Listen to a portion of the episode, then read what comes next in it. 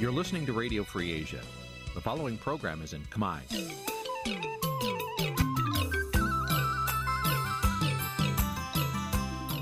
នេះជាកម្មវិធីផ្សាយ Vuthu Azizi Serai នេះជាកម្មវិធីផ្សាយរបស់ Vuthu Azizi Serai ជាភាសាខ្មែរ Vuthu Azizi Serai សូមស្វាគមន៍លោកអ្នកនាងទាំងអស់ពីរដ្ឋធានី Washington នៃសហរដ្ឋអាមេរិក បាទពីរដ្ឋធានី Washington សហរដ្ឋអាមេរិកខ្ញុំបាទមេរិតសូមជម្រាបសួរលោកអ្នកនាងកញ្ញាប្រិយមិត្តអ្នកស្ដាប់ Vuthu Azizi Serai ទាំងអស់ជាទីមេត្រីយើងខ្ញុំសូមជូនកម្មវិធីផ្សាយសម្រាប់ព្រឹកថ្ងៃច័ន្ទ4កើតខែស្រាបឆ្នាំខាលចត្វាស័កពុទ្ធសករាជ2566ដែលត្រូវនៅថ្ងៃទី1ខែសីហាគ្រិស្តសករាជ2022បាទជាដំបូងនេះសូមអញ្ជើញលោកនាងកញ្ញាស្ដាប់ព័ត៌មានប្រចាំថ្ងៃដែលមានមេត្តាដូចតទៅ ឪពុកម្ដាយជនរងគ្រោះពីម្សៅទឹកដោះគោ Nutrilett រៀបរាប់ពីការឈឺចាប់ខណៈពួកគេមិនទាន់ទទួលបានយុត្តិធម៌មេធាវីក្រុងដាក់ពាក្យស្នើសុំស្លាវធរភ្នំពេញឲ្យដោះលែងកញ្ញាសេងធីរីបណ្ឌនយោបាយនិងសង្គមស្វិលរិះគន់សាលារាជធានីភ្នំពេញ ថាបង្ហិនបង្ហោចថវិកាជាតិដោយសារមានអភិបាលរងរហូតដល់ទៅ9រូបសកម្មជនបរិស្ថាននិងមន្ត្រីសង្គមស្វិល រិះគន់អភិបាលស្រុកព្រៃនប់ថាបណ្ដាលបណ្ដោយឲ្យក្រុមឈ្មួញលុបឆ្នេរសមុទ្ររៀមធ្វើជាដីលោលក់រួមនឹងព័ត៌មានផ្សេងៗមួយចំនួនទៀត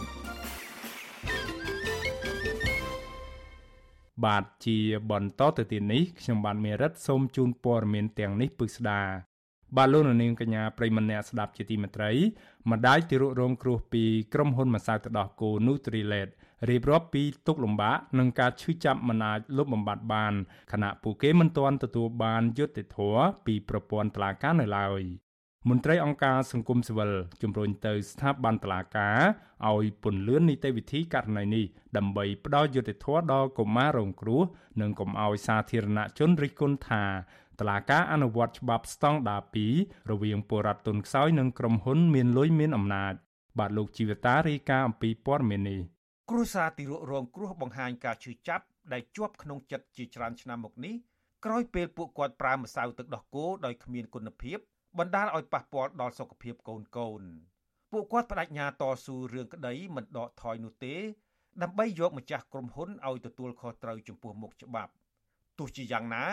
ពួកគាត់ស្នើយ៉ាងទទូចដល់តុលាការឲ្យជួយពន្លឿននីតិវិធីដើម្បីផ្ដល់យុត្តិធម៌និងបញ្ចប់រឿងក្តីក្តាំនេះឲ្យបានឆាប់ ម្ដាយទីរក់កើតជំងឺស្លេកស្លាំងលោកស្រីផាត់ស៊ីរីប្រាប់វិទ្យុអាស៊ីសេរីនៅថ្ងៃទី31កក្កដាថា កូនរបស់លោកស្រីមានអាយុ3ឆ្នាំ តែដោយសារម្សៅទឹកដោះគោ Nutrilett បានធ្វើឲ្យកូនរបស់លោកស្រីលូតលាស់ផ្នែកសតិបញ្ញាស្មារតីយឺតបើធៀបនឹងកុមារផ្សេងទៀតដូចជាការចងចាំចុះខ្សោយ ការនិយាយស្ដីមិនច្បាស់ដោយត្រូវមើលថែទាំនិងតាមដានរយៈពេល5ឆ្នាំតទៅទៀត លោកស្រីផាត់ស៊ីរីបញ្ជាក់ថាឪពុកម្ដាយកុមាររងគ្រោះនៅតែមិនពេញចិត្តចំពោះការសម្រេចរបស់តុលាការសាលាដំបងរាជធានីភ្នំពេញ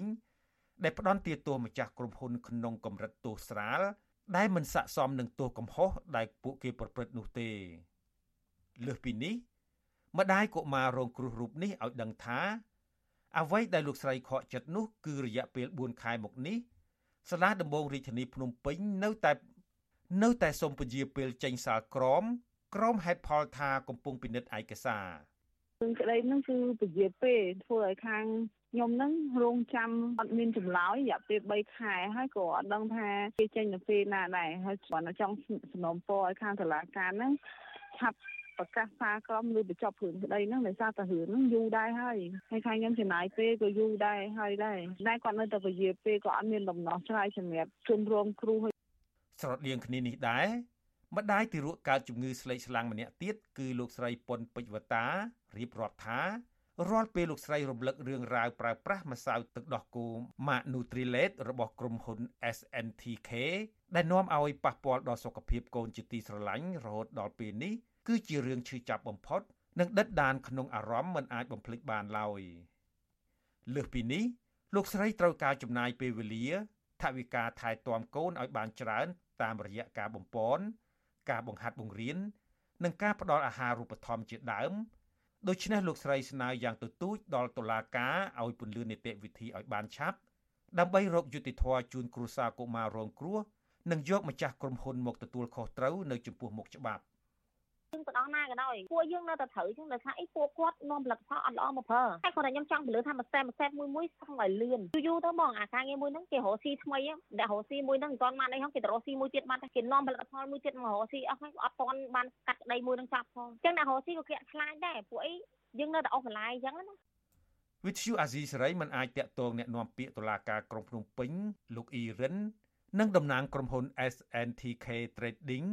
ដើម្បីបកស្រាយជុំវិញរឿងនេះបានទេ នៅថ្ងៃទី31កក្កដាកាលពីថ្ងៃទី1មេសាចៅក្រមជំនុំជម្រះតុលាការក្រុងភ្នំពេញសម្រាប់ផ្ដន្ទាទោសជនជាប់ចោទឈ្មោះខុនកៅកេសីភេទស្រី ដាក់ពន្ធនាគាររយៈពេល10ខែ និងពិន័យជាប្រាក់8លានរៀលចូលថវិការដ្ឋពីបទផ្សព្វផ្សាយពាណិជ្ជកម្មដែលមានលក្ខណៈភូតកុហកคล้ายคล้ายឬធ្វើឲ្យមានការភ័ន្តច្រឡំអំពីគុណភាព និងសុវត្ថិភាពលើផលិតផល សម្រាប់សំណងរដ្ឋបវេនីវិញចៅក្រមបានសម្រេចផ្ដល់សំណងដល់គ្រួសារជនរងគ្រោះពីចន្លោះ10000ទៅ20000ដុល្លារដោយយោងទៅតាមស្ថានភាពជាក់ស្ដែងនៃការខាតបង់នៃគ្រួសារនីមួយៗ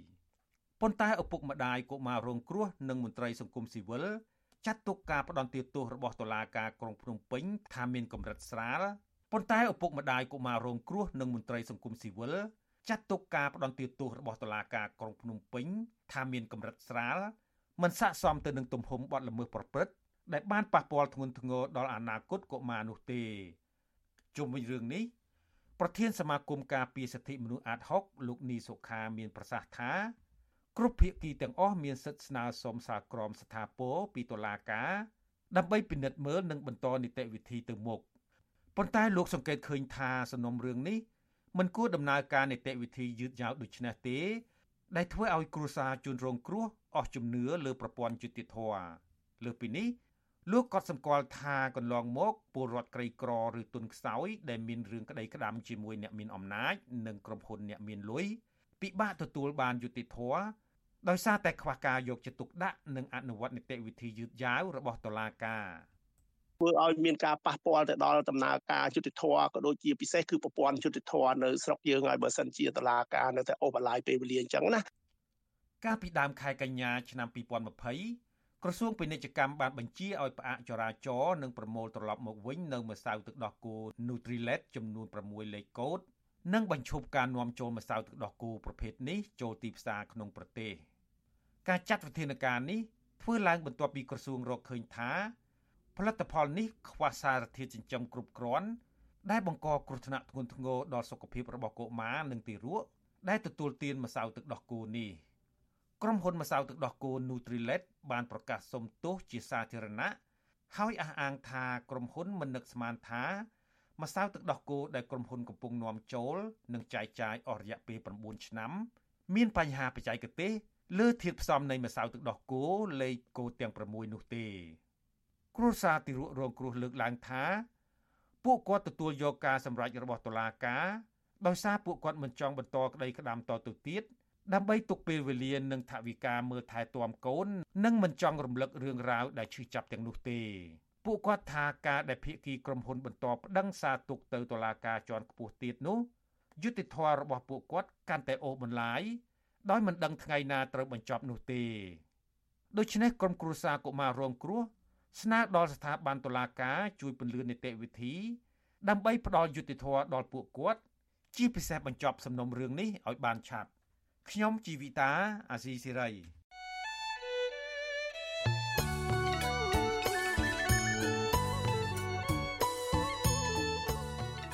បាទលោកនាងកញ្ញាប្រិមម្នាក់ស្ដាប់ជាទីមេត្រី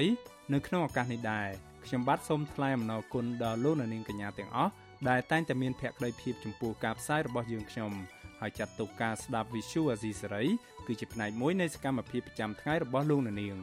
ការគ្រប់គ្រងរបស់លោកនាងនេះហើយដែលធ្វើឲ្យយើងខ្ញុំមានទឹកចិត្តកាន់តែខ្លាំងថែមទៀតនៅក្នុងការស្វែងរកនិងផ្តល់ព័ត៌មានពិតជូនលោកអ្នកនាងមានអ្នកស្ដាប់និងអ្នកទស្សនាកាន់តែច្រើនកាន់តែធ្វើឲ្យយើងខ្ញុំមានភាពស្វាហាប់និងមោះមុតជាបន្តទៅទៀតបាទយើងខ្ញុំសូមអរគុណទុកជាមុនហើយសូមអញ្ជើញលោកអ្នកនាងកញ្ញា ចូលរួមជំរុញឲ្យសកម្មភាពផ្តល់ព័ត៌មានពិតរបស់យើងខ្ញុំនេះកាន់តែជោគជ័យបន្ថែមទៀតលោកអ្នកនាងអាចជួយយើងខ្ញុំបានដោយគ្រាន់តែចុចចែករំលែកឬ share ការផ្សាយរបស់យើងខ្ញុំនៅលើបណ្ដាញសង្គម Facebook និង YouTube ទៅកាន់មិត្តភ័ក្តិដើម្បីឲ្យការផ្សាយរបស់យើងបានទៅដល់មនុស្សកាន់តែច្រើន បាទសូមអរគុណ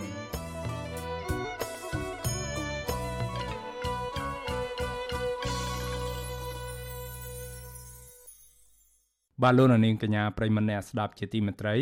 យើងងាកមកស្ដាប់សំណុំរឿងរបស់កញ្ញាសេងធីរីវិញម្ដង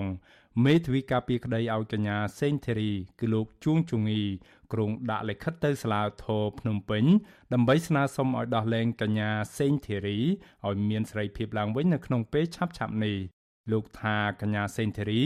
មានសិទ្ធិក្នុងការរស់នៅក្រៅឃុំព្រោះតឡាការមិនទាន់ចេញសេចក្តីសម្រេចថាកញ្ញាសេងធីរី មានទោសនៅឡើយទេ មេធាវីការពីក្តីឲ្យកញ្ញាសេងធីរីគឺលោកជួងជងីប្រាវិសុយស៊ីស្រីនៅថ្ងៃទី31ខែកក្កដាថាការឃុំខ្លួនកញ្ញាសេងធីរីគឺខុសពីនីតិវិធីក្នុងការអនុវត្តច្បាប់ព្រោះសេចក្តីសម្រេចរបស់សាលាដំបងរាជធានីភ្នំពេញមិនមែនជាសេចក្តីសម្រេចស្ថាពរនៅឡើយទេហើយលោកកំពុងរៀបចំឯកសារដាក់ទៅសាលាធរភ្នំពេញដើម្បីស្នើសុំឲ្យដោះលែងកញ្ញាសេងធីរីឲ្យមានសេរីភាពឡើងវិញ លោកយល់ថាកូនក្តីរបស់លោក ជាមនុស្សស្អាតស្អំហើយការងាររបស់កញ្ញាសេងធីរី បានធ្វើកន្លងមកគ្រាន់តែជាសកម្មភាពនៃការបញ្ចេញមតិតវ៉ាដើម្បីលើកកម្ពស់លទ្ធិប្រជាធិបតេយ្យនៅក្នុងប្រទេសកម្ពុជាតែប៉ុណ្ណោះ បើទោះបីជាកញ្ញាសេងធីរី មានសញ្ជាតិអាមេរិកក្តីលោកជួងជងីអះអាងថាកញ្ញាសេងធីរីនឹងនៅតែតតាំងក្តីនៅក្នុងប្រព័ន្ធតុលាការកម្ពុជាដោយដែលកញ្ញាធ្លាប់បានធ្វើការពីពេលកន្លងមក មេធាវីបានប្រឹងអូតូរួចហើយដែរដូច្នេះតឡាការអត់មានសេចក្តីសម្រេចជាសម្អាងដើម្បីយកទៅអនុវត្តចាប់គាត់ដាក់ពន្ធនាគារទេអញ្ចឹងការដែលចាប់គាត់ដាក់ពន្ធនាគារហ្នឹងគឺអត់មានសម្អាងបើសម្អាងទៅលើសាលក្រមសាលក្រមអត់ទាន់ស្ថាពរផងតោះអាចាំសាលក្រមស្ថាពរទើបអាចអនុវត្តសេចក្តីសម្រេចនៅក្នុងសាលក្រមហ្នឹងតាក់ទងនឹងបញ្ហានេះប្រធានសាលាដំបងរាជធានីភ្នំពេញលោកតាំងសុនឡាយប្រាវិសុយស៊ីស្រីថាលោកមិនមានអ្វីត្រូវបកស្រាយបន្ថែមនោះទេ ព្រោះការឃុំខ្លួនកញ្ញាសេងធីរីគឺសំអាងទៅលើសេចក្តីសម្រេចរបស់សាលាដំបងរាជធានីភ្នំពេញបាទគាត់យល់អញ្ចឹងប៉ុន្តែខាងជាក្រុមគាត់ធ្វើតាមនីតិវិធីគេអាចចាប់អាចឃុំបានអញ្ចឹងទៅគាត់បានសម្អាងហេតុនោះសារខ្នងអីតើហើយបើគាត់អត់ព្រមគាត់ដឹងទៅទៅខ្ញុំអត់មានយោបល់លើសពីនឹងកើតទេជុំវិញរឿងនេះមន្ត្រីនៃសមាគមការពារសិទ្ធិមនុស្សអាត6 លោកយីសុកសានយល់ថាតឡាការគួរដោះលែងកញ្ញាសេងធីរីឲ្យមានសេរីភាពឡើងវិញដោយករណីតឡាការដោះលែងសកម្មជនបរិស្ថាន សកម្មជនសិទ្ធិមនុស្សកាលពីពេលកន្លងមក ដើម្បីលើកកម្ពស់សេរីភាពនៃការបញ្ចេញមតិនិងកិត្តិយសរបស់រដ្ឋាភិបាល លោកបានថែមថាកញ្ញាសេងធីរី គឺជាបុគ្គលគំរូដែលមានភាពក្លាហានតស៊ូមតិបង្ហាញពីចំណុចខុសឆ្គងរបស់រដ្ឋាភិបាល ហើយក្លាហានតតាំងក្តីជាមួយតុលាការកម្ពុជា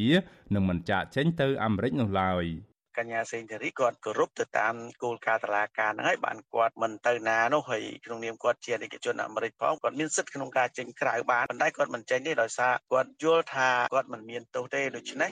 ខ្ញុំយល់ថាគួរតែដោះលែងឲ្យគាត់នៅក្រៅឃុំទៅតាមម្ដេចការស្នើសុំរបស់មេធាវីអ្នកជំនាញច្បាប់និងវិជាសាស្ត្រនយោបាយអន្តរជាតិ កញ្ញាសេងធីរីត្រូវបានសាលាដំបងរាជធានីភ្នំពេញកាត់ទោសឲ្យជាប់ពន្ធនាគាររយៈពេល6ឆ្នាំ កាលពីថ្ងៃទី14ខែមិថុនាពីបទចោទរួមគំនិតក្បត់នៅក្នុងសំណុំរឿងវិលត្រឡប់ចូលស្រុកវិញរបស់ប្រធានស្ដីទីគណៈបកសង្គ្រោះជាតិលោកសំរងស៊ីកាលពីឆ្នាំ2019មុនការខាត់ខ្លួនកញ្ញាសេងធារីបានតតាំងជាមួយតុលាការជាច្រើនខែ ហើយកញ្ញាបានចាត់ទុកតុលាការកម្ពុជា ជាតុលាការសម្ដែងល្ខោនរៀបចំឡើងដោយអ្នកនយោបាយអង្គការសង្គមស៊ីវិលជាតិនិងអន្តរជាតិនិងសហរដ្ឋអាមេរិកចាត់ទុកការផ្ដន្ទាទោសកញ្ញាសេងធីរី ថាជារឿងនយោបាយនិងស្នើឲ្យតុលាការកម្ពុជា ដោះលែងកញ្ញាសេងធីរីឲ្យមានសេរីភាពឡើងវិញដោយឥតលក្ខខណ្ឌ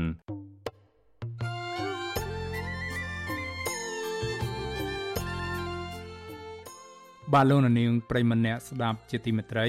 ដំណើរគ្នានឹងស្ដាប់ការផ្សាយរបស់ Visual Asia សេរីតាមបណ្ដាញសង្គម Facebook និង YouTube លោកនាងក៏អាចស្ដាប់កម្មវិធីផ្សាយរបស់ Visual Asia សេរីតាមរលកធារកាសខ្លីឬ Shortwave តាមកម្រិតនិងកម្ពស់ដូចតទៅនេះពេលព្រឹកចាប់ពីម៉ោង5កន្លះដល់ម៉ោង6កន្លះតាមរយៈរលកធារកាសខ្លី12140 kHz ស្មើនឹងកម្ពស់ 25m និង13715 kHz ស្មើនឹងកម្ពស់ 22m ពេលយប់ចាប់ពីម៉ោង7កន្លះដល់ម៉ោង8កន្លះតាមរយៈរលកធារកាសខ្លី9960 kHz ស្មើនឹងកម្ពស់ 30m 12140 kHz ស្មើនឹងកម្ពស់ 25m និង11885 kHz ស្មើនឹងកម្ពស់ 25m បាទសូមអរគុណ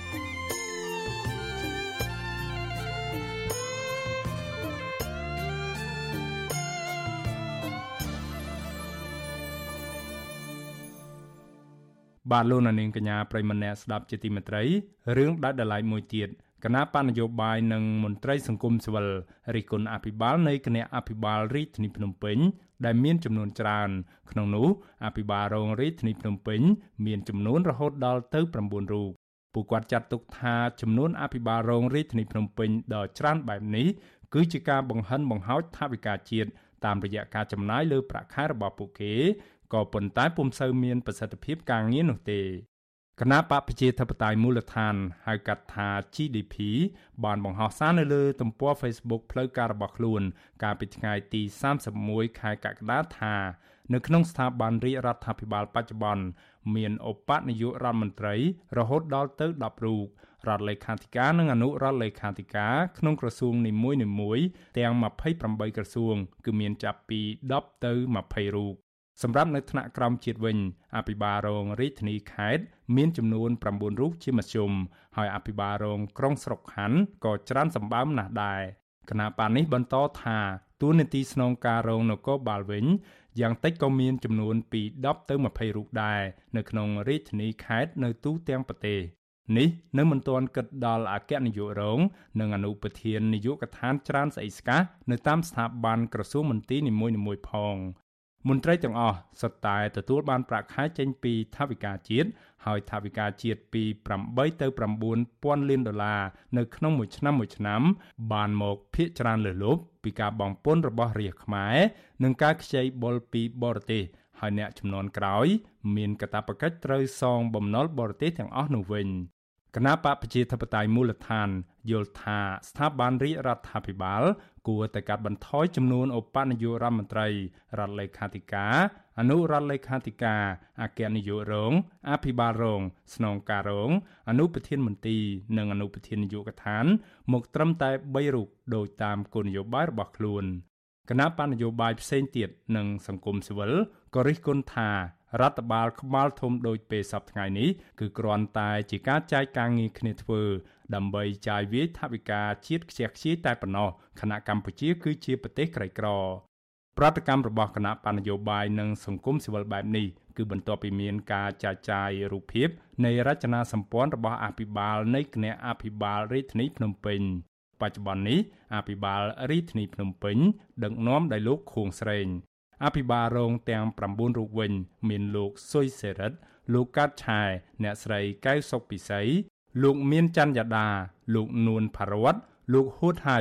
លោកសុកពេញវុឌ្ឍលោកឃ្លាំងហួត និងលោកហ៊ុនសុរិទ្ធី ក្រុមថ្នាក់ដឹកនាំសាលារាជធានីភ្នំពេញទាំងនេះក៏ធ្លាប់មានកេរ្តិ៍ឈ្មោះអាស្រូវរឿងរំលោភសិទ្ធិមនុស្សតាមរយៈការដឹកកងកម្លាំងសន្តិសុខទៅបង្ក្រាបលើពលរដ្ឋស្លូតត្រង់ដែលតវ៉ាអហិង្សាដូចជាពលរដ្ឋរងគ្រោះដីធ្លី កម្មករកាស៊ីណូ Nagavel សកម្មជនសិទ្ធិមនុស្សនិងក្រុមគ្រួសារសកម្មជននយោបាយជាដើម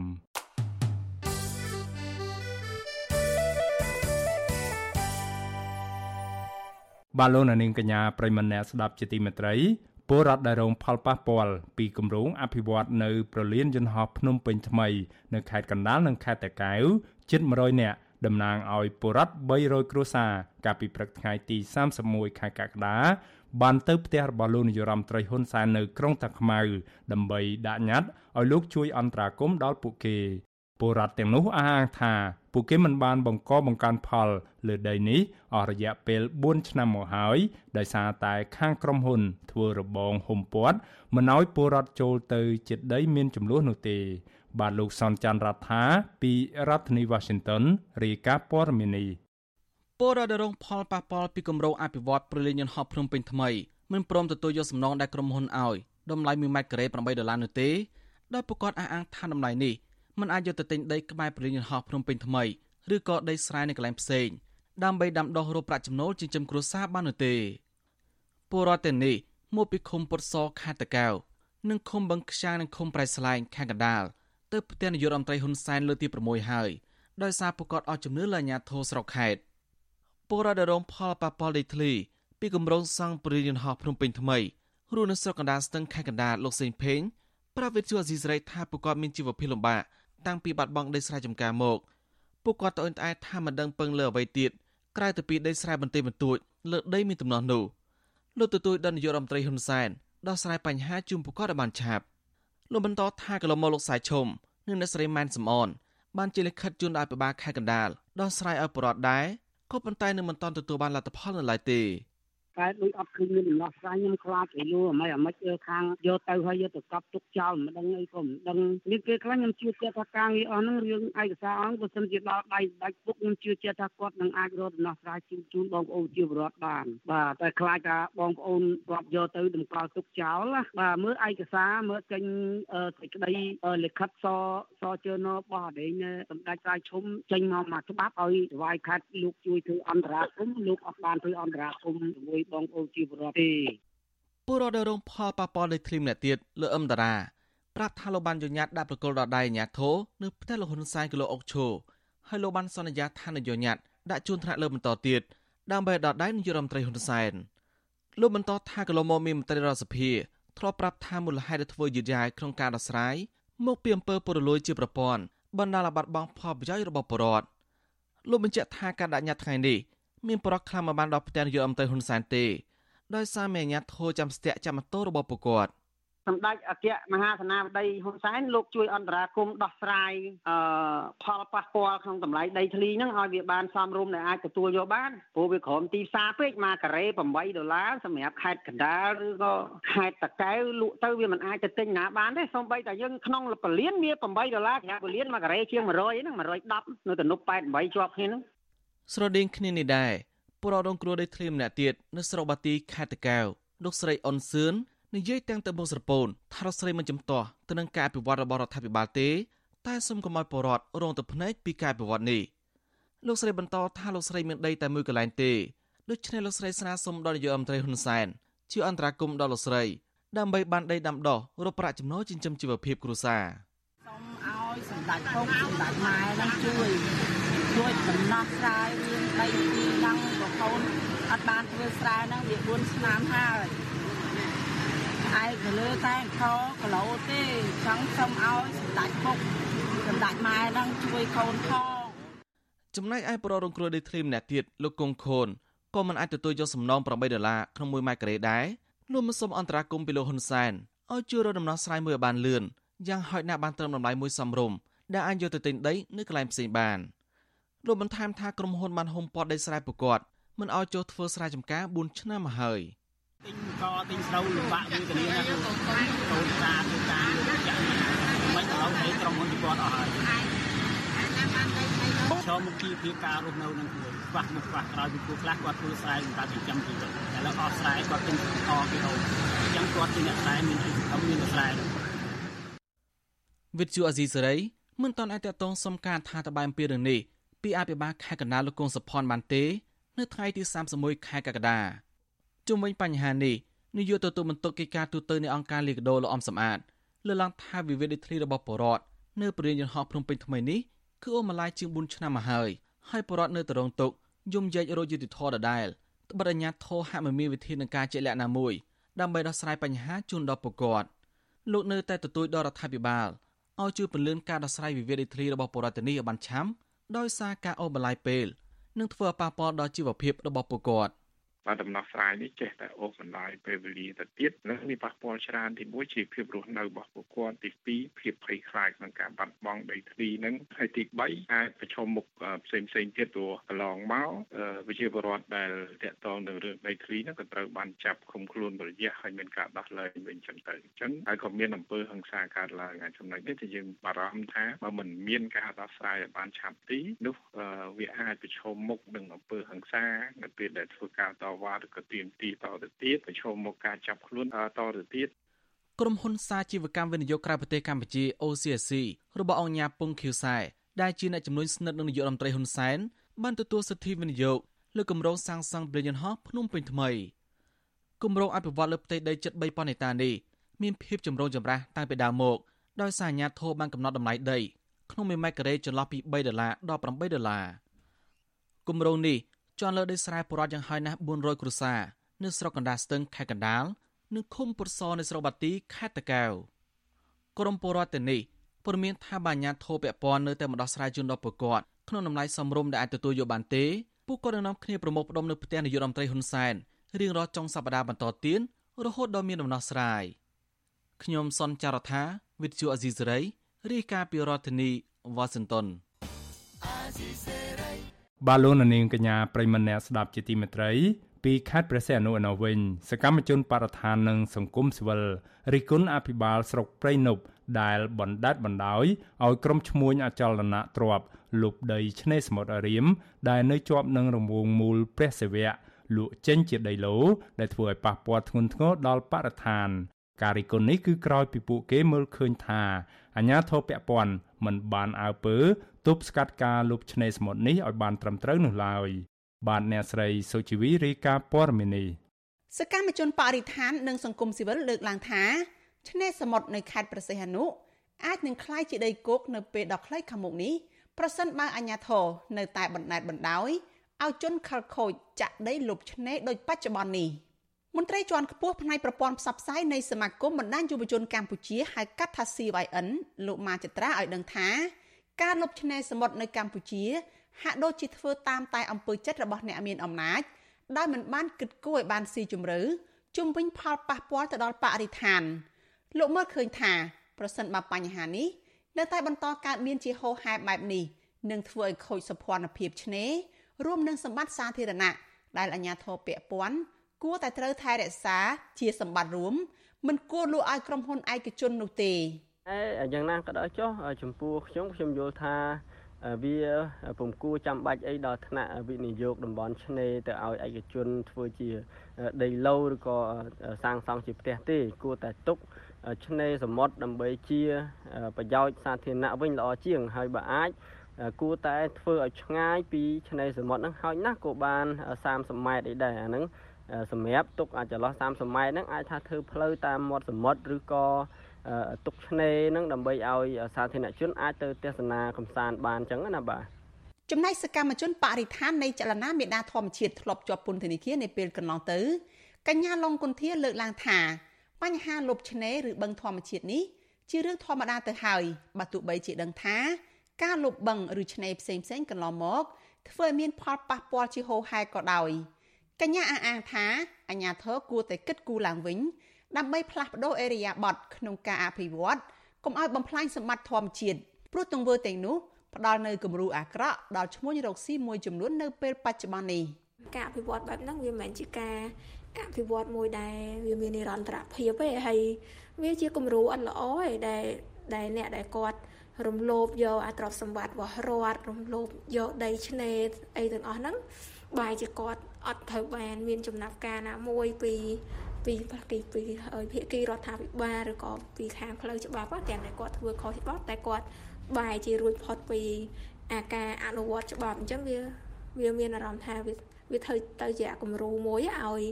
អ្នកផ្សេងទៀតដែលគាត់មានលុយគាត់មានអំណាចគាត់ចេះតែរំលោភយកអាទ្រព្យសម្បត្តិសាធារណៈរបស់រដ្ឋនឹងហើយយើងចង់ឃើញពីភាពសកម្មនៅក្នុងការដោះស្រាយបញ្ហាបរិស្ថានបញ្ហាធនធានធម្មជាតិហ្នឹងឲ្យដូចមានអាភាពសកម្មនៅក្នុងការ ចោទប្រកាន់ឬក៏ចាប់ខ្លួនមកលើពួកយើងដែលជាសកម្មជនការពារបរិស្ថានវិញព្រោះយើងឃើញថាយើងការពារបរិស្ថានយើងការពារធនធានធម្មជាតិយើងត្រូវបានគេចាប់ខ្លួនយើងត្រូវបានគេចោទឆ្លើយតបនឹងបញ្ហានេះអភិបាលស្រុកព្រៃនប់លោកសកកដាប្រាប់វិទ្យុអាស៊ីសេរីយ៉ាងខ្លីថាលោកមិនដឹងរឿងលុបឆ្នេរអ្វីនោះទេព្រោះមិនមែនជាកិច្ចការងាររបស់លោកការងារនេះបងអាចទទួលគេបានគេព្រោះខ្ញុំឃើញគេទទួលខ្ញុំដែរអាចទទួលតែបហងបានព្រោះគាត់បានដីពីណាទៅពូទៅអីហ្នឹង ជុំវិញការរិះគន់នេះដែរវិទ្យុអាស៊ីសេរីនៅមិនទាន់អាចតាក់ទងអភិបាលខេត្តព្រះសីហនុលោកគួយចម្រើនដើម្បីសុំការអធិប្បាយបន្ថែមជុំវិញការលុបឆ្នេរនេះបានទេនៅថ្ងៃទី31ខែកក្កដាដោយហៅទូរស័ព្ទចូលតែគ្មានអ្នកទទួលច្បាប់ភូមិបាលមាត្រា16ចែងថាទ្រព្យសម្បត្តិសាធារណៈរបស់រដ្ឋមិនអាចលក់ដូរយកធ្វើជាកម្មសិទ្ធិបានឡើយហើយកម្មសិទ្ធិនៃទ្រព្យទាំងនោះក៏មិនអាចកំណត់ជាអាជ្ញាយុកាលបានដែរលើសពីនេះទ្រព្យសម្បត្តិសាធារណៈរបស់រដ្ឋ គឺបានរាប់បញ្ចូលនៅទ្រព្យសម្បត្តិទាំងឡាយណា ដែលកើតចេញពីធម្មជាតិដូចជាព្រៃឈើផ្លូវទឹកដែលនាវាឬក្បូនចេញចូលបានបឹងធម្មជាតិច្រាំងទន្លេ ប្រឡាយស្ទឹង និងសមុទ្រជាដើមតែយ៉ាងណាសកម្មជនបរិស្ថាននិងសង្គមស៊ីវិលមើលឃើញថាទោះបីជាច្បាប់ចែងនៅលើក្រដាស់យ៉ាងដូចនេះក្តីប៉ុន្តែសកម្មភាពលុបបឹងធម្មជាតិច្រាំងទន្លេព្រែកប្រឡាយទឹក ស្ទឹង រហូតដល់ឆ្នេរសមុទ្រផងនោះ កើតមានជាហូរហែទាំងនៅក្រុងភ្នំពេញ និងតាមបណ្ដាខេត្តមានទាំងការលុបដែលផ្ដល់ដោយអាជ្ញាធររដ្ឋាភិបាលនិងការលុបរំលោភយកពីសំណាក់បុគ្គលឯកជន ការលុបឆ្នេរសមុទ្រនៅក្នុងខេត្តព្រះសីហនុនេះក៏មិនមែនទើបតែកើតមាននោះដែរដូចជានៅចំណុចឆ្នេរព្រែកត្រែងកាលពីខែកញ្ញាឆ្នាំ2018ក៏មានការលុបឆ្នេរពីសំណាក់ក្រុមហ៊ុនរបស់អ្នកស្រីជើងសុភីបភរិយារបស់លោកអុកញ៉ាឡៅមេងខិនសមាជិកសភាមកពីគណៈបកប្រជាជនកម្ពុជា កាលពីចុងឆ្នាំ2018ដដែលអភិបាលខេត្តព្រះសីហនុលោកយុនមីនធ្លាប់បានស្នើទៅអង្គការម្នាក់ទៀតឲ្យបញ្ឈប់សកម្មភាពចាក់ដីបំពេញតាមដងព្រែកកោះខ្យងក្នុងតំបន់ឧស្សាហជាតិព្រះសីហនុរៀមស្ថិតនៅឃុំអូជ្រៅស្រុកព្រៃនប់ជាបន្ទាន់ដែរដោយថាការចាក់ដីនោះធ្វើឲ្យខូចទីជម្រាលដីប៉ះពាល់ជីវៈចម្រុះនិងប្រព័ន្ធអេកូឡូស៊ីនៅក្នុងតំបន់ឆ្នេរប៉ុន្តែអតីតអភិបាលខេត្តរូបនោះនិងអភិបាលខេត្តបច្ចុប្បន្ន មិនទាន់មានវិធានការច្បាប់ទៅដល់ពួកគេទាំងនោះទេរីឯនៅក្រុងព្រះសីហនុឯណោះវិញឆ្នេរសមុទ្រនៅជាប់នឹងរង្វង់មូលព្រះថោងតោងស្បៃកំពុងតែរងការចាក់ដីអភិវឌ្ឍមានទំហំជិត30គីឡូម៉ែត្រ4ជ្រុងនិងមានជម្រៅ5ម៉ែត្រចុះក្រោមដែលបង្កឲ្យមានផលប៉ះពាល់ទៅដល់មុខរបរប្រជានេសាទរាប់រយគ្រួសារនិងប៉ះពាល់សម្រាប់ឆ្នេរធម្មជាតិការលុបឆ្នេរសមុទ្រនេះទំនងជាដើម្បីសាងសង់កំពង់ផែ និងអគារធំធំ ដែលមានការវិនិយោគដោយជនជាតិចិនជាដើមនាងខ្ញុំសុជីវីវិទ្យុអាស៊ីសេរីពីរដ្ឋធានី Washington បាឡូណានីងកញ្ញាប្រិមម្នាក់ស្ដាប់ជាទីមេត្រីព័ត៌មានតាក់ទងទៅនឹងសកម្មជនសិទ្ធិមនុស្សខ្មែរក្រោមវិញម្ដង បានអាជ្ញាធរវៀតណាមបានដោះលែងសកម្មជនសិទ្ធិមនុស្សខ្មែរក្រោម2នាក់មកវិញហើយកាលពីម៉ោង11យប់ថ្ងៃទី30ខែកក្កដាបន្ទាប់ពីចាប់ឃុំខ្លួនពួកគេអស់រយៈពេលប្រមាណ9ម៉ោងយុវជនយឿងខាយនិងយុវជនថាច់គឿងត្រូវបានអាជ្ញាធរវៀតណាមចាប់ខ្លួនកាលពីព្រឹកថ្ងៃទី30ខែកក្កដានៅក្នុងគោលបំណងរារាំងមិនឲ្យពួកគាត់ទាំងពីររូបបានជួបជាមួយមន្ត្រីស្ថានទូតសហរដ្ឋអាមេរិកប្រចាំនៅទីក្រុងព្រៃនគរ អាញាធរវៀតណាមជាច្រើនអ្នកបានឡោមព័ទ្ធចាប់ខ្លួនយុវជនទាំងពីរនាក់នេះនៅកន្លែងផ្សេងផ្សេងគ្នាយុវជនយឿងខាយបានបង្ហោះវីដេអូនៅក្នុងបណ្ដាញសង្គម Facebook បង្ហាញថាប៉ូលីសវៀតណាម2នាក់បានជិះម៉ូតូតាមលោកពីខាងក្រោយ ហើយមានបំណងធាក់ផ្ដួលម៉ូតូលោកឲ្យដួលទៀតផងបច្ចុប្បន្នយុវជនយឿងខាយនិងយុវជនថាច់គឿងកំពុងស្នាក់នៅកន្លែងមានសុវត្ថិភាពក្រោយពីត្រូវបានប៉ូលីសវៀតណាមដោះលែងពាក់ព័ន្ធនឹងរឿងនេះ យុវជនខ្មែរក្រោមលោកតៅហ្វាងជឿងប្រាវិសុវស៊ីស្រីកាលពីថ្ងៃទី31ខែកក្កដាថាអាញាធរវៀតណាមបានដោះលែងយុវជនខ្មែរក្រោមទាំងពីរនាក់ឲ្យមានសេរីភាពឡើងវិញហើយក្រោយពីបានសាកសួរចម្លើយនិងឆែកទូរស័ព្ទរបស់ពួកគេអស់ជាច្រើនម៉ោងលោកថាទង្វើរបស់អាញាធរវៀតណាមបែបនេះគឺធ្វើឡើងដើម្បីបំបាក់ស្មារតីខ្មែរក្រោមកុំឲ្យហ៊ានងើបឡើងទាមទារសេរីភាពសិទ្ធិជនជាតិដើម ទង្វើដែលរដ្ឋាភិបាលវៀតណាមបានធ្វើមកលើសកម្មជនខ្មែរក្រមបានចាប់សកម្មជនខ្មែរក្រមពីរនាក់មានលោកតិចគឿងនិងប្អូនយើងខែទីម្សិលមិញហ្នឹងទង្វើបែបហ្នឹងធ្វើឲ្យប្រជាជនខ្មែរក្រមយុវជនខ្មែរក្រមมันមានការភ័យខ្លាចបាក់ស្បាត់ឬអ្វីទេ គឺមានតែមានការស្អប់កពើមរបបដែលផ្ដាច់ការរបបដែលមិនគ្រប់សិទ្ធិមនុស្សរបបដែល បំបត្តិសិទ្ធិសេរីភាពក្នុងនាមជាជនជាតិដើមដូច្នេះយុវជនខ្មែរក្រមទាំងអស់ទាំងលោកមានអ្នកមីងបានដឹងបានឮនោះបានឃើញនោះអំពើដ៏ព្រៃផ្សៃរបស់អាជ្ញាធរវៀតណាមជុំវិញការបន្តធ្វើទុកបុកម្នេញយុវជនខ្មែរក្រោមពីសំណាក់អាជ្ញាធរវៀតណាមនេះសហព័ន្ធខ្មែរកម្ពុជាក្រោមដែលមានមូលដ្ឋាននៅសហរដ្ឋអាមេរិកក៏បានថ្កោលទោសកម្មភាពរំលោភសិទ្ធិមនុស្សខ្មែរក្រោមនេះដែរ ប្រធាននាយកដ្ឋានព័ត៌មានសហព័ន្ធខ្មែរកម្ពុជាក្រោមព្រះភិក្ខុសឹងយើងរតនាស្នើឲ្យអាជ្ញាធរវៀតណាមគោរពពាក្យសន្យានៅចំពោះមុខសហគមន៍អន្តរជាតិដែលប្រទេសនេះបានសន្យាថានឹងគោរពសិទ្ធិមនុស្សពបរដ្ឋាភិបាលវៀតណាមតែងតែអះអាងចំពោះអន្តរជាតិថានៅក្នុងប្រទេសវៀតណាម មានការគោរពសិទ្ធិមនុស្សចំពោះជនជាតិនៅក្នុងប្រទេសវៀតណាមពប៉ុន្តែបន្ទុយទៅវិញចំពោះ ជនជាតិដើមខ្មែរក្រមដែលជាម្ចាស់ស្រុកនៅលើដែនដីកម្ពុជាក្រមសពថ្ងៃនេះអោយតែយុវជនក្រកតស៊ូដើម្បីបញ្ចេញមតិទាមទារនូវសិទ្ធិសេរីភាពជាម្ចាស់ស្រុកជនជាតិដើមគឺអាជ្ញាធរវៀតណាមតែងតែចាប់ខ្លួនគំរាមកំហែងសម្លុតបំភ័យព្រោះនេះជាអំពើអយុត្តិធម៌និងប្រកាន់ពូជសាសន៍ចំពោះបរតខ្មែរក្រមដែលជាម្ចាស់ស្រុកនៅលើទឹកដីកម្ពុជាក្រមប យុវជនយើងខាយនិងយុវជនថៃគឿងគឺជាសកម្មជនសិទ្ធិមនុស្សនិងសិទ្ធិការងារពួកគេបានធ្វើការងារជួយលើកស្ទួយសិទ្ធិខ្មែរក្រោមតាមរយៈការពន្យល់និងការចែកចាយឯកសារសិទ្ធិមនុស្សរបស់អង្គការសហប្រជាជាតិ ពួកគេក៏ធ្លាប់ត្រូវបានអាជ្ញាធរវៀតណាមគំរាមកំហែងធ្វើទុកបុកម្នេញនិងឃាត់ខ្លួនទៅសួរនាំជាបន្តបន្ទាប់ហើយរងនឹងការផាកពិន័យអស់ជាច្រើនរយដុល្លារដោយសារតែសកម្មភាពនៃការតស៊ូមតិរបស់ពួកគេបាឡូននាងកញ្ញាប្រិមម្នាក់ស្ដាប់ជាទីមេត្រីរឿងដែលដライមួយទៀត រដ្ឋសភាឯកបៈបានអនុម័តវិសោធនកម្មទី10នៃការកែប្រែរដ្ឋធម្មនុញ្ញនិងច្បាប់ធម្មនុញ្ញបន្ថែម កាលពីថ្ងៃប្រហ័សទី28ខែកក្កដារួចរាល់ហើយរដ្ឋមន្ត្រីក្រសួងយុតិធធឡើងការពីថាវិសោធនកម្មរដ្ឋធម្មនុញ្ញលើកនេះមានគោលបំណងធានាឲ្យស្ថាប័នជាតិជាពិសេសរាជរដ្ឋាភិបាល មានដំណើរការប្រព្រឹត្តទៅដោយរលូនមិនមានការជាប់គាំងនិងធានាបាននូវនិរន្តរភាពនៅគ្រប់កលៈទេសៈ ក៏ប៉ុន្តែក្រុមអ្នកតាមដានការវិវត្តនៃរដ្ឋធម្មនុញ្ញកម្ពុជាវិញ យល់ថាការកែប្រែរដ្ឋធម្មនុញ្ញនៅពេលនេះមានចំណុចបំពានលើស្មារតីនៃប្រជាធិបតេយ្យសេរីពហុបកនិងធ្វើឲ្យរបបសភានិយមចុះទុនខ្សោយតើវិសោធនកម្មរដ្ឋធម្មនុញ្ញនៅពេលនេះធ្វើឲ្យរដ្ឋសភាចុះទុនខ្សោយអំណាចរបស់ខ្លួនបែបណាខ្លះបាទលោកជីវតាមានសេចក្តីរាយការណ៍ពិស្ដារជំវិញព័ត៌មាននេះបើទោះជាមានការរិះគន់បែបណាក្តី ក៏រដ្ឋសភាដែលមានតំណាងរាស្ត្រតែពីគណៈបកប្រជាជនកម្ពុជា បានអនុម័តវិសោធនកម្មរដ្ឋធម្មនុញ្ញលើកទី10នេះដោយរលូនរដ្ឋធម្មនុញ្ញកម្ពុជាច្បាប់ដើម ឆ្នាំ1993បានផ្ដល់អំណាចដល់រដ្ឋសភាក្នុងការបង្កើតរដ្ឋាភិបាលក្រោយការបោះឆ្នោតជាតិម្ដងម្ដងរដ្ឋធម្មនុញ្ញនេះក៏ផ្ដល់អំណាចដល់រដ្ឋសភាឲ្យត្រួតពិនិត្យតាមដានកិច្ចការរបស់រដ្ឋាភិបាល ដើម្បីជៀសវាងអំណាចប្រមូលផ្ដុំក្នុងដៃអង្គនីតិប្រតិបត្តិឬរដ្ឋាភិបាល ដែលជាស្ថាប័នជាតិកម្ពុជាមួយគ្រប់គ្រងកងប្រដាប់អាវុធដោយផ្ទាល់ប៉ុន្តែអ្នកវិភាគថាបន្តិចម្ដងបន្តិចម្ដងអំណាចរបស់រដ្ឋសភាត្រូវបានកាត់បន្ថយតាមរយៈវិសោធនកម្មឬការកែរដ្ឋធម្មនុញ្ញកន្លងមកនេះអ្នកវិភាគជើងចាស់បណ្ឌិតឡៅម៉ុងហៃយល់ថាការកែរដ្ឋធម្មនុញ្ញលើកនេះកាន់តែអន្តរាយដល់ប្រព័ន្ធប្រជាធិបតេយ្យសេរីពហុបក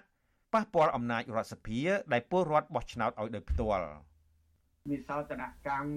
រដ្ឋធម្មនុញ្ញបច្ចុប្បន្ននេះវាប៉ះពាល់ទៅដល់ប្រព័ន្ធប្រជាធិបតេយ្យសេរីទូបៈត្រង់ចំណុចប៉ះពាល់ដល់ប្រព័ន្ធអំណាចទុកអំណាច system of checks and balances មានន័យយ៉ាងម៉េចគឺដែលច្បាប់ធម្មនុញ្ញហ្នឹងវានឹងទៅកាត់បន្ថយអំណាចអធិបតេយ្យរបស់សភា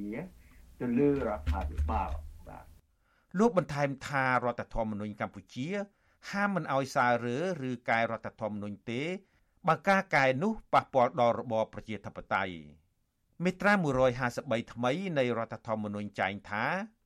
ការសាររើឬវិសោធនកម្មរដ្ឋធម្មនុញ្ញមិនអាចធ្វើបានឡើយកាលបើប៉ះពាល់ដល់ប្រព័ន្ធប្រជាធិបតេយ្យសេរីពហុបកបណ្ឌិតឡៅម៉ុងហៃបញ្ជាក់ថា ការកែរដ្ឋធម្មនុញ្ញលើកទី10នេះយ៉ាងហោចណាស់មានចំណុចសំខាន់ពីរដែលកាត់បន្ថយអំណាចរដ្ឋសភា ចំណុចទី1គឺការដកអំណាចនៃការសម្រេចបញ្ជូនឈ្មោះបេក្ខជននាយករដ្ឋមន្ត្រីថ្វាយទៅព្រះមហាក្សត្ររបស់ថ្នាក់ដឹកនាំរដ្ឋសភា នៅក្រោយការបោះឆ្នោតជាតិម្ដងម្ដង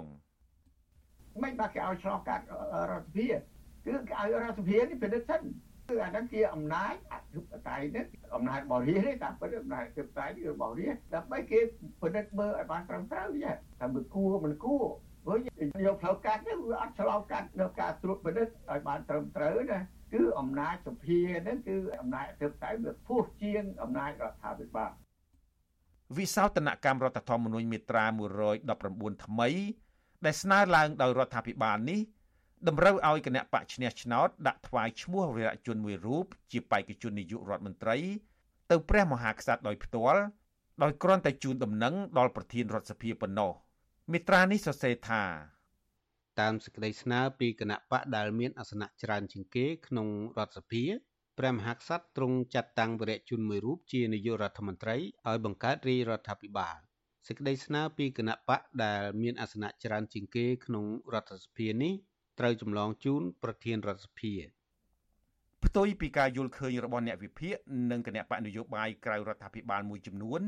រដ្ឋមន្ត្រីក្រសួងយុតិធធលោកកើតរិទ្ធថ្លែងការពីវិសោធនកម្មមេត្រានេះក្នុងសន្និសីទកាសែតនៅឯក្រសួងយុតិធធកាលពីថ្ងៃទី14កក្កដាលោករដ្ឋមន្ត្រីបកស្រាយថាពលរដ្ឋបោះឆ្នោតឲ្យគណៈបកដូច្នេះគណៈបកដែលឈ្នះឆ្នោតគួរតែជាអ្នកថ្វាយឈ្មោះអនាគតនាយករដ្ឋមន្ត្រីជូនព្រះមហាក្សត្រ ដើម្បីឲ្យទ្រង់ចាត់តាំងដោយមិនចាំបាច់ឆ្លងថ្នាក់ដឹកនាំរដ្ឋសភាដោយដែលរដ្ឋធម្មនុញ្ញចាស់ចែងនោះទេតើប្រជាពលរដ្ឋគាត់បោះឆ្នោតឲ្យអ្នកណាប្រជាពលរដ្ឋគាត់បោះឆ្នោតឲ្យប្រធានរដ្ឋសភាឬមួយក៏ប្រជាពលរដ្ឋបោះឆ្នោតឲ្យគណៈបកនយោបាយប្រព័ន្ធបោះឆ្នោតរបស់យើងគឺប្រជាពលរដ្ឋបោះឆ្នោតជ្រើសរើសគណៈបកនយោបាយអញ្ចឹងគណៈបកនយោបាយគឺទទួលបាននៅអំណាចដោយផ្ទាល់ពីប្រជាពលរដ្ឋអញ្ចឹងបើគាត់ទទួលបានការគ្រប់គ្រង ពីប្រជាពលរដ្ឋដែលជាម្ចាស់ឆ្នោតណាហើយមានទទួលបានអាសនៈច្រើនជាងគេក្នុងរដ្ឋសភាកិច្ចការនេះគួរតែជាកិច្ចការរបស់គណៈបកនយោបាយទោះជាយ៉ាងណាបណ្ឌិតឡាវម៉ុងហៃនៅតែយល់ថាវិសោធនកម្មមេត្រា119ថ្មីនេះគឺជាការឆក់អំណាចពីរដ្ឋសភាទៅឲ្យរដ្ឋាភិបាលលោកយល់ថានៅពេលអំណាចប្រមូលផ្ដុំក្នុងដៃរដ្ឋាភិបាលកាន់តែច្រើន ទំនោរឬនិន្នាការឈ្មោះទៅរករបបផ្ដាច់ការ ក៏កាន់តែមានច្រើនដែរសង្កត់ខាន់ទៅលើ system of checks and balances អំណាចទុកអំណាចដូចចេះកាន់តែបថយអំណាចសភាបកកើអំណាចរដ្ឋាភិបាលលើឃើញចាស់ស្រែកដូចជាវិសោធនកម្ម44ថាដែលចាប់ពីច្បាប់ធម្មនុញ្ញបន្ថែមហ្នឹងមកណាច្បាប់ធម្មនុញ្ញបន្ថែមដែលបណ្ឌិតឡាវម៉ុងហៃយោងទៅនេះគឺច្បាប់ធម្មនុញ្ញបន្ថែមឆ្នាំ2004 ដែលតម្រូវឲ្យរដ្ឋសភាផ្លាស់ប្តូរពីការបោះឆ្នោតបង្កើតរដ្ឋសភាមុនទើបបោះឆ្នោតបង្កើតរដ្ឋាភិបាលជាក្រោយ ទៅជាការបោះឆ្នោតបង្កើតរដ្ឋសភា និងបង្កើតរដ្ឋាភិបាលក្នុងពេលតែមួយឬហៅថាការបោះឆ្នោតជាកញ្ចប់ច្បាប់ធម្មនុញ្ញបន្ថែមលើកទី1ដល់ជំរងចម្រាស់ឆ្នាំ2004នោះធ្វើឡើងក្រោមបរិយាកាសនយោបាយអាប់អួរពលគឺការជាប់គាំងនយោបាយក្រោយការបោះឆ្នោតឆ្នាំ2003ពេលនោះ ទាំងព្រះបរមរតនកោដ្ឋសម្ដេចព្រះនរោត្តមសីហនុព្រះប្រមុខរដ្ឋទាំងលោកជាស៊ីមប្រមុខរដ្ឋស្ដីទីមិនព្រមឡាយព្រះហស្ថលេខានិងចុះហត្ថលេខាលើសេចក្តីព្រាងច្បាប់ធម្មនុញ្ញបន្ថែមនោះទេដើម្បីបង្ហាញការមិនពេញប្រតិយលើច្បាប់ធម្មនុញ្ញបន្ថែមនោះព្រះបរមរតនកោដ្ឋសម្ដេចព្រះនរោត្តមសីហនុបានយាងចេញពីកម្ពុជានៅព្រឹកថ្ងៃទី13កក្កដាឆ្នាំ2004ទៅគង់នៅប្រទេសកូរ៉េខាងជើង ប៉ុន្តែមួយថ្ងៃមុនពេលយាងចេញព្រះអង្គបានសរសេរចុតម៉ាយមួយច្បាប់ផ្ញើជូនលោកជាស៊ីមដោយមានប្រេកបន្ទូលថាសេចក្តីព្រៀងច្បាប់ធម្មនុញ្ញបន្ថែមដែលនឹងនាំឲ្យមានការបោះឆ្នោតជាកញ្ចប់នោះគឺជាបញ្ហានាំទៅរកភាពប្រេះស្រាំនៃជាតិរបស់យើងព្រះអង្គថាព្រះអង្គមិនអាចទទួលខុសត្រូវចំពោះកិច្ចការដ៏ធ្ងន់នេះបានទេក្នុងលិខិតដែលបង្ហោះលើគេហទំព័ររបស់ព្រះអង្គ សម្ដេចព្រះនរោត្តមសីហនុក៏បានមានប្រេកបន្ទូលទៅកាន់លោកជាស៊ីមប្រមុខរដ្ឋស្ដីទីថាសូមឲ្យលោកប្រើមនសិការរបស់លោកទៅចុះក្នុងការសម្រេចចិត្តថាតើត្រូវចុះហត្ថលេខាឬមិនចុះហត្ថលេខាលើសេចក្តីព្រាងច្បាប់ធម្មនុញ្ញបន្ថែមនេះលោកជាស៊ីមដែលពេលនោះជាប្រធានព្រឹទ្ធសភានិងជាប្រធានគណៈបកប្រជាជនកម្ពុជាផងនោះក៏មិនយល់ព្រមចុះហត្ថលេខាលើសេចក្តីព្រាងច្បាប់ធម្មនុញ្ញបន្ថែមនោះដែរទង្វើនេះ បានធ្វើឲ្យលោកនាយករដ្ឋមន្ត្រីហ៊ុនសែនមិនសប្បាយចិត្តសោះឡើយបន្ទាប់មកក្នុងថ្ងៃទី13កក្កដាដដែលនោះគេឃើញលោកហុកឡុងឌីអគ្គស្នងការនគរបាលជាតិបានដឹកនាំកម្លាំងប្រដាប់អាវុធមួយក្រុមទៅផ្ទះលោកជាស៊ីមបង្ខំឲ្យលោកជាស៊ីមទៅដេកឈឺនៅប្រទេសថៃមួយរយៈសិនដើម្បីបើកឱកាសឲ្យមានប្រមុខរដ្ឋស្ដីទីថ្មីក្រោយលោកជាស៊ីមចាក់ចេញភ្លាមអនុប្រធានទី2នៃប្រសិទ្ធិលោកញឹកប៊ុនឆៃ ក៏ឡើងជាប្រមុខរដ្ឋស្ដីទីផ្លែតដែរហើយចុះហត្ថលេខាលើច្បាប់ធម្មនុញ្ញបន្ថែមនោះផ្លាប់តែម្ដងទាំងអស់នេះកើតឡើងយ៉ាងឆាប់រហ័សនៅក្នុងថ្ងៃទី13កក្កដាឆ្នាំ2004ច្បាប់ធម្មនុញ្ញបន្ថែមនោះ បានបញ្ចប់ទូនីតិមេត្រា82ដើមនៃរដ្ឋធម្មនុញ្ញដែលចែងអំពីការបង្កើតរចនាសម្ព័ន្ធរដ្ឋសភា មុនបង្កើតគណៈរដ្ឋមន្ត្រីអ្នកវិភាគមើលឃើញថា ការបង្ខំបង្កើតច្បាប់ធម្មនុញ្ញបន្ថែមនៅពេលនោះគឺដោយសារនាយករដ្ឋមន្ត្រីចាំផ្ទះលោកហ៊ុនសែនដែលជាអនុប្រធានគណៈបកប្រជាជនកម្ពុជាផងនោះលោកមិនទុកចិត្តសម្ដេចក្រមព្រះនរោត្តមរណរដ្ឋប្រធានគណៈបកហ៊ុនស៊ិនប៉ិចនិងជាប្រធានរដ្ឋសភាហើយក៏មិនទុកចិត្តលោកជាស៊ីមដែរថានឹងបោះឆ្នោតឲ្យលោកធ្វើជានាយករដ្ឋមន្ត្រីបន្តទៀតត្រឡប់មកមើលវិសោធនកម្មរដ្ឋធម្មនុញ្ញលើកទី10 ដែលរដ្ឋសភាទើបបានអនុម័តនៅថ្ងៃទី28កក្កដាឆ្នាំ2022នេះវិញបណ្ឌិតឡាវម៉ុងហៃថាចំណុចសំខាន់ទី2ដែលកាត់បន្ថយអំណាចរដ្ឋសភា គឺការកែរដ្ឋធម្មនុញ្ញមាត្រា98តាក់ទងទៅនឹងការបង្កើនចំនួនតំណាងរាស្ត្រពី30ទៅ42នាក់ដើម្បីអាចស្នើញត្តិបន្ទោសលើរាជរដ្ឋាភិបាលម្ដងម្ដងអត្តតម្លើងចំនួនពី30ទៅ42តំណាងរាស្ត្រហ្នឹង ដើម្បីធ្វើញត្តិស្ដីបន្ទោសរាជរដ្ឋាភិបាលហ្នឹងបាទអាហ្នឹងគឺមានន័យថាកាត់បន្ថយអំណាចរបស់រដ្ឋសភាហើយហើយបង្កើនអំណាចនៅរដ្ឋាភិបាលទោះជាយ៉ាងណារដ្ឋមន្ត្រីក្រសួងយុតិធធលោកកើតរិទ្ធថ្លែងការពីវិសោធនកម្មចំណុចនេះលោកថាបើចង់ស្ដីបន្ទោសឬទម្លាក់រដ្ឋាភិបាល ដែលវាមិនមែនជារឿងតូចតាចនេះ តំណាងរាស្ត្រគួរតែមានសម្លេងគ្រប់គ្រងឲ្យបានច្រើនគួរសមដែរ98ថ្មីដូរពី30រូបទៅ42រូបឬ1ភាគ3ដើម្បីធ្វើញត្តិបន្ទោសវាធ្វើឲ្យប៉ះពាល់ឥឡូវប៉ះពាល់កន្លែងណាគឺប៉ះពាល់ថាពិបាករកសម្លេងក្នុងការធ្វើញត្តិបន្ទោសមិនយ៉ាងហ៎បើប៉ះពាល់បើរកសម្លេងធ្វើញត្តិបន្ទោសមិនបានរកសម្លេងតម្លាក់គណៈរដ្ឋមន្ត្រីមិនរួចមិនយ៉ាងសម្លេងគឺដើម្បីទម្លាក់គណៈរដ្ឋមន្ត្រីតាមរយៈញត្តិបន្ទោសគឺ50បូក1បើរក សម្លេងត្រឹមតែ30 41ភាគ3ដើម្បីធ្វើញត្តិបន្ទោសមិនបានផងតើទៅដំណើរការរបៀបលក្ខដើម្បីទម្លាក់រដ្ឋគណៈរដ្ឋមន្ត្រីមួយទាំងមូលដែលត្រូវការសម្លេង50%បូក1បានមកពីណាឃើញទេអញ្ចឹងយើងត្រូវមានភាពប្រកបនិយមលោករដ្ឋមន្ត្រីក្រសួងយុតិធធបញ្ជាក់ថា ការកែរដ្ឋធម្មនុញ្ញលើកនេះក៏ដូចលើកមុនមុនដែរគឺដើម្បីបំពេញចន្លោះប្រហោងនៃរដ្ឋធម្មនុញ្ញ និងធានានៅដំណើរជាប្រក្រតីនៃស្ថាប័នរដ្ឋលោកអះអាងទៀតថាការកែរដ្ឋធម្មនុញ្ញទាំង10លើកកន្លងមកនេះมันមានអ្វីផ្ទុយពីច្បាប់ឡើយរាល់ដំណើរការនៃការធ្វើទាំងអស់នេះ លើកទី10ក៏មិនខុសពីលើកទី9ក៏មិនខុសពីលើកទី8ក៏មិនខុសពីការធ្វើដំណើរកម្មតាំងពីលើកទី1មកគឺអនុវត្តស្របទៅតាមនីតិវិធី ដែលមានចែងនៅក្នុងរដ្ឋធម្មនុញ្ញនៃប្រជាណាចក្រកម្ពុជារបស់យើងតែម្ដងបាទឥឡូវបើកន្លែងណាខុសសូមលើកមេត្រាមកបង្ហាញមកបណ្ឌិតឡាវម៉ុងហៃថាវាមិនខុសទេជាទម្រង់ឬជានីតិវិធីប៉ុន្តែបញ្ហាគឺខ្លឹមសារនិងស្មារតីកាន់តែមិនល្អទៅទៀតនោះលោកថារដ្ឋសភា ដែលតំណាងឲ្យម្ចាស់ឆ្នោតបែរជាចាំតែវាយត្រា ដោយគ្មានការពិភាក្សាសួរដេញដោលស៊ីជម្រៅលើខ្លឹមសារស្មារតីនៃសេចក្តីពីងច្បាប់ដែលរដ្ឋាភិបាលដាក់ស្នើមកម្ដងម្ដងអា10ដងនោះណាច្រើនតែវាស្មើនឹងដែលអនុក្រឹតបាទវៃត្រាសភាសញ្ញេព្រះមហាក្សត្រតែប៉ុណ្ណឹងអាហ្នឹងគឺទំនងត្រឹមត្រូវហើយប៉ុន្តែអាដែលស្មារតីហើយនឹងឆន្ទៈមិនមែនជាសេចក្តីសម្ដែងឆន្ទៈរបស់ប្រជាជាតិ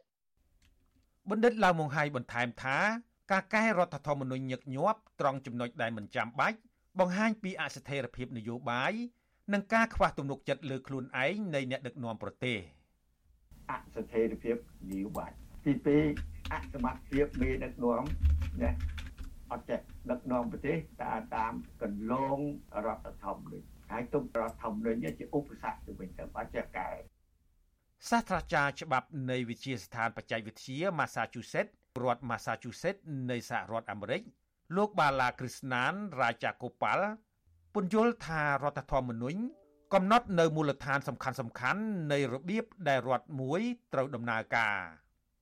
លោកថាការសើរើឬធ្វើវិសោធនកម្មណាមួយត្រូវតែឆ្លងកាត់នីតិវិធីដ៏តឹងរឹងនិងម៉ត់ចត់បំផុត ដើម្បីពិនិត្យមើលថាតើការកែនោះស្របច្បាប់ឬទេ that if you make constitutional amendment too easy នៅពេលដែលអ្នកបង្កើតនីតិវិធីសម្រាប់ធ្វើវិសោធនកម្មរដ្ឋធម្មនុញ្ញឲ្យវាងាយស្រួលពេកហានិភ័យប្រកាសជាកើតមាន ពីព្រោះថាគណៈបណ្ឌនយោបាយណាមួយដែលគ្រាន់តែមានសម្លេងភាកច្រើនបន្តិចក៏ឆ្លៀតឱកាសនោះកែរដ្ឋធម្មនុញ្ញញឹកញាប់តាមចិត្តដើម្បីតម្រូវតាមហិច្ចតានយោបាយរបស់បកខ្លួន លោករាជាកូប៉ាល់ដែលធ្លាប់បម្រើការឲ្យអង្គការសហប្រជាជាតិផ្នែកសិទ្ធិមនុស្សនៅកម្ពុជានិងធ្លាប់ជាទីប្រឹក្សាច្បាប់នៅរដ្ឋសភាកម្ពុជាក្នុងអាណត្តិទី1ផងនោះពន្យល់បន្តថា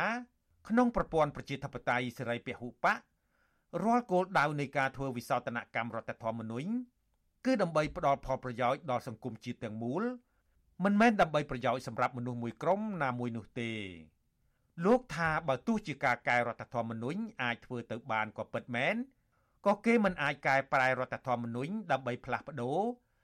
ឬលុបបំបាត់ចោលមូលដ្ឋានគ្រឹះសំខាន់សំខាន់ក្នុងការគ្រប់គ្រងរដ្ឋបែបផែនប្រជាធិបតេយ្យបានដែរ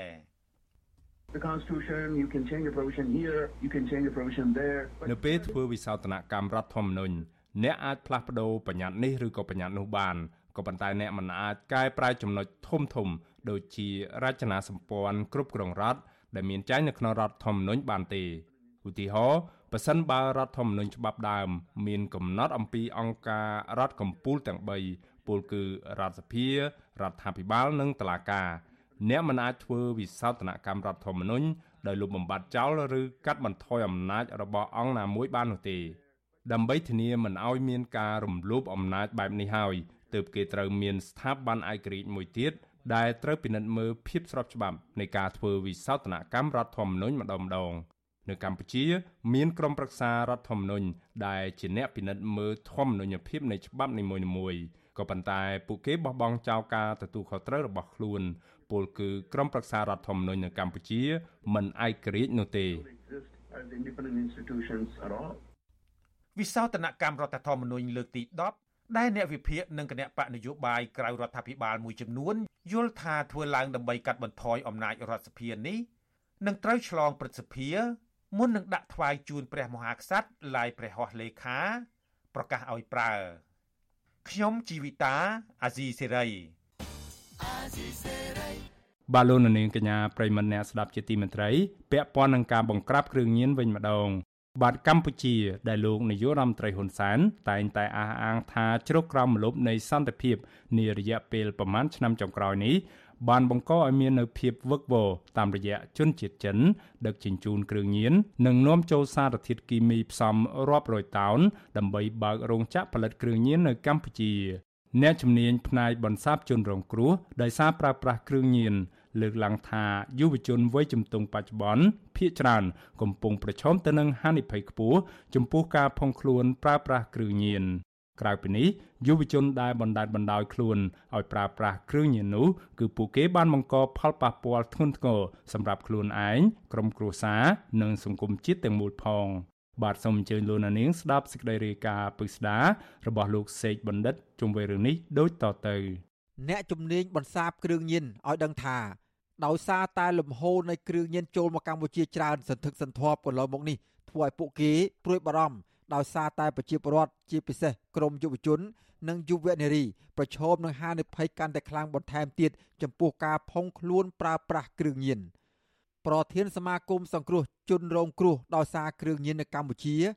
លោកមាសសវណ្ណបានលើកឡើងថា បើបញ្ហាគ្រឿងញៀននៅតែបន្តហូរចូលយ៉ាងគំហុកប្រជាពលរដ្ឋជាពិសេសក្រមយុវជនក៏អាចប្រឈមគ្រោះថ្នាក់ខ្ពស់ដោយសារតែការប្រើប្រាស់គ្រឿងញៀនកាន់តែខ្លាំងឡើងខ្លាំងឡើង។លោកបញ្ជាក់ថាបច្ចុប្បន្នយុវជនជាច្រើនកំពុងប្រឈមគ្រោះថ្នាក់ខ្ពស់នៃការផុងខ្លួនប្រើប្រាស់គ្រឿងញៀនតាមរយៈមធ្យោបាយជាច្រើន ក្នុងនោះ មានដូចជា ការលបួងមិត្តភ័ក្តិនិងដោយសារតែការរងសម្ពាធផ្លូវចិត្តលោកមាសវណ្ណលើកទឹកចិត្ត ដល់អាណាព្យាបាលទាំងអស់ឲ្យមើលថែកូនកូនដែលកំពុងរងគ្រោះដោយសារតែការប្រើប្រាស់គ្រឿងញៀនគឺមិនត្រូវព្យាយាមលាក់បាំងនិងបង្កការរើសអើងឬបន្ថែមការស្ដីបន្ទោសទៅដល់ជនរងគ្រោះទាំងនោះឡើយ បញ្ជ្រាបការយល់ដឹងឲ្យគុំគូសាយល់ដឹងថាកុំរើសអើងជាមួយកូនហើយក៏កុំធ្វើអីមួយប្រើពូសាជាមួយកូនជាមួយនឹងយើងជប់ចិត្តនិយាយភាសាល្អល្អជ្រើសរើសរកកម្មវិធីថាអ្វីដែលល្អល្អណែនាំគាត់ល្អល្អទៅព្យាយាមកុំខឹងតបជាមួយគាត់ច្រើនបានន័យថាគាត់ ឆាប់ខឹងឆាប់ឈឺឆាវហើយកុំលាក់និយាយហ្នឹងតែកណ្ដាលលាក់ជំងឺកាន់ធ្ងន់ធ្ងរមិនយើងអត់លាក់ទេយើងត្រូវរកបណ្ដុលឬក៏រកអ្នកដែលជំនាញបច្ចេកទេសដើម្បីប្រឹក្សាយោបល់ទូយោបល់ដើម្បីសម្រេចដើម្បីដោះស្រាយនឹងបានល្អលោកមាសសុវណ្ណឲ្យដឹងទៀតថាគិតមកត្រឹមខែកក្កដាឆ្នាំ2022សមាគមសង្គ្រោះជនរងគ្រោះដោយសារគ្រឿងញៀននៅកម្ពុជា បានទទួលជនរងគ្រោះឲ្យមកបន្សាបគ្រឿងញៀនមានចំនួនជិត14000នាក់ក្នុងនោះមានស្ត្រីជិត1000នាក់ លោកបញ្ជាក់ថាអ្នកដែលកំពុងបន្សាបគ្រឿងញៀនភ ieck ច្រើន គឺជាយុវជនដែលមានអាយុចន្លោះពី14ទៅ30ឆ្នាំលោកថាមូលហេតុដែលនាំឲ្យពួកគាត់ផុងខ្លួនប្រើប្រាស់គ្រឿងញៀនកន្លងមកនេះភ ieck ច្រើនពួកគាត់ជួបនឹងវិបត្តិស្នេហា រងសម្ពាធផ្លូវចិត្តនៅក្នុងគ្រួសារនិងដោយសារតែការបញ្ចុះបញ្ចូលពីសំណាក់មិត្តភ័ក្តិមន្ត្រីសង្គមស៊ីវិលរូបនេះស្នើដល់អាណាព្យាបាលឬឪពុកម្ដាយទាំងអស់ដែលកំពុងមានសមាជិកកំពុងប្រើប្រាស់គ្រឿងញៀន ត្រូវតែព្យាយាមនិយាយលួងលោមលើកទឹកចិត្តជាប្រចាំនិងត្រូវបញ្ជូនទៅកន្លែងបន្សាបគ្រឿងញៀននៅតាមអង្គការសមាគមនានាដើម្បីប្រឹក្សាយោបល់ជាមួយអ្នកជំនាញលោកមាសសវណ្ណបញ្ជាក់ទៀតថាបើឪពុកម្ដាយដឹងថាកូនរបស់ខ្លួនកំពុងប្រើប្រាស់គ្រឿងញៀនហើយបន្តស្ដីបន្ទោសគំរាមកំហែងពួកគាត់ទៀតនោះនឹងធ្វើឲ្យអ្នកដែលកំពុងប្រើប្រាស់គ្រឿងញៀនកាន់តែរងសម្ពាធដែលនាំឲ្យពួកគាត់ ប្រតិកម្មតបតដោយបញ្ចេញនូវសកម្មភាពហិង្សាលើពុកម្ដាយនិងអាចនាំឲ្យពួកគាត់កាន់តែលំបាកចិត្តរហូតដល់សម្លាប់ខ្លួនឯងនិងប្រព្រឹត្តទង្វើមិនគប្បីផ្សេងផ្សេងជាច្រើនផ្សេងទៀតទៅកាន់អ្នកដទៃជាដើមជុំវិញរឿងគ្រឿងញៀនដែលកំពុងវាយលុកចូលកម្ពុជានេះអ្នកដែលធ្លាប់រងគ្រោះបានលើកឡើងស្របគ្នាថាជនរងគ្រោះដែលកំពុងប្រើប្រាស់គ្រឿងញៀនជាប្រចាំនៅក្នុងកម្រិតមធ្យម អាចមានអារម្មណ៍តានតឹង ស្មុគស្មាញនិងបញ្ចេញអារម្មណ៍ខឹងមួម៉ៅជាប្រចាំរហូតអាចធ្វើឲ្យពួកគាត់បាត់បង់ភាពម្ចាស់ការលើខ្លួនឯងដែលនាំឲ្យជនរងគ្រោះឈានទៅដល់ការវង្វេងវង្វាន់បាត់បង់សតិស្មារតីជាដើមអ្នកធ្លាប់ប្រើប្រាស់គ្រឿងញៀនមួយរូបគឺលោកគៀយ៉តបានរៀបរាប់ប្រាប់បទសុអសីសេរីថានៅពេលដែលលោកកំពុងប្រើប្រាស់គ្រឿងញៀនលោកមិនអាចគ្រប់គ្រងស្មារតីខ្លួនឯងបានឡើយ។ និយាយអានឹងឆ្ងាញ់ទៅពេលប្រើទេបងបើដល់ពេលយើងលេងដល់ពេលយើងប្រើអស់យើងឈប់បើថាយើងគិតសុបាយចិត្តយើងសុបាយចិត្តចឹងណាបើថាគិតរឿងពិបាកចិត្តពិបាកចិត្តដល់ចង់ចង់ចង់កអីនោះក៏មានពេលណាពិបាកចិត្តដូចជាឆ្លុះគ្នាមួយពួនហើយទៅលេងអញ្ចឹងណានឹងចូលផ្ទះណាពិបាកចិត្តអង្គុយនឹងពិបាកចិត្តដល់ពិបាកមានទៀតហ្មងឡើងលោកបន្តទៀតថាកត្តាជំរុញឲ្យលោកផុងខ្លួនប្រើប្រាស់គ្រឿងញៀននោះគឺដោយសារតែមិត្តភ័ក្តិលបងលួងលោមឲ្យប្រើប្រាស់គ្រឿងញៀនស្របពេលដែលលោកកំពុងតែរងសម្ពាធនៅក្នុងគ្រួសារលោកបញ្ជាក់ទៀតថា ពេលលោកចាប់ផ្ដើមប្រើប្រាស់គ្រឿងញៀនកាន់តែខ្លាំងលោកតែងតែលាក់លុយកាក់ពីប្រពន្ធសម្រាប់ទិញថ្នាំប្រើប្រាស់លោកថាអ្នកដែលប្រើប្រាស់គ្រឿងញៀននឹងមិនអាចបញ្ឈប់ដោយខ្លួនឯងបានឡើយដោយសារតែឥទ្ធិពលនៃថ្នាំញៀនទាំងនោះនៅពេលដែលប្រើប្រាស់គ្រឿងញៀនជាលើកដំបូងវានឹងនាំអារម្មណ៍ស្មារតីរបស់អ្នកប្រើប្រាស់ បន្តឲ្យចង់សាកម្ដងហើយម្ដងទៀតតាមយើងមានហ្មងមានច្រើនយើងប្រើច្រើនយោមានតិចព្រោះហ្នឹងវាអត់ឆ្អែតទេពេលដែលយើងប្រើហាម៉ា WY អញ្ចឹងគាត់គឺថាមាន100ក្នុងកប៉ាវយើងដាក់ម្ដង10រៀល10រៀលដាក់ជួននេះមកជុកដាក់ដល់ដល់ទៅអស់លុយហ្នឹងក៏មានដែរបងបើថាយើងនៅដល់ហ្នឹងកបែលនៅដល់ហ្នឹងនៅដល់ហ្នឹងថែម10ហើយ10ទៀត10ហើយ10ទៀតចឹងណាបងខ្ញុំប្រើក៏មុនខ្ញុំប្រើទៅវាមកគ្រាប់2005ហ្នឹងខ្ញុំប្រើទៅវាបន្តនៅលើទឹកហ្នឹង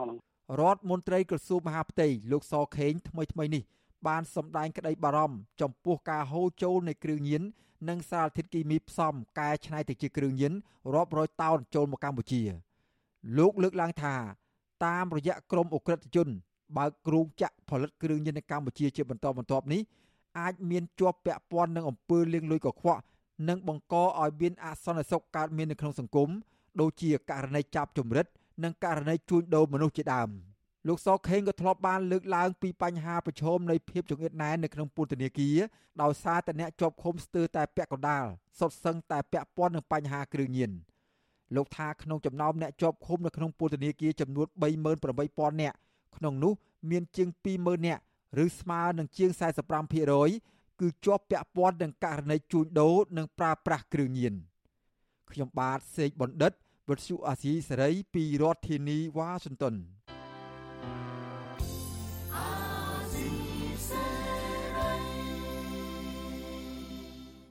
បាទលោកនាងកញ្ញាប្រិមម្នាក់ស្ដាប់ជាទីមេត្រីកម្មវិធីផ្សាយរយៈពេល1ម៉ោងនៃ Visual Asia ស្រីជាភាសាខ្មែរនៅពេលនេះចប់តែប៉ុណ្ណេះយើងខ្ញុំសូមជូនពរដល់លោកនាងកញ្ញាព្រមទាំងក្រុមគ្រួសារទាំងអស់ឲ្យជួបប្រកបតែនឹងសេចក្តីសុខចម្រើនរុងរឿងកំបីគ្លៀនគ្លាតឡើយ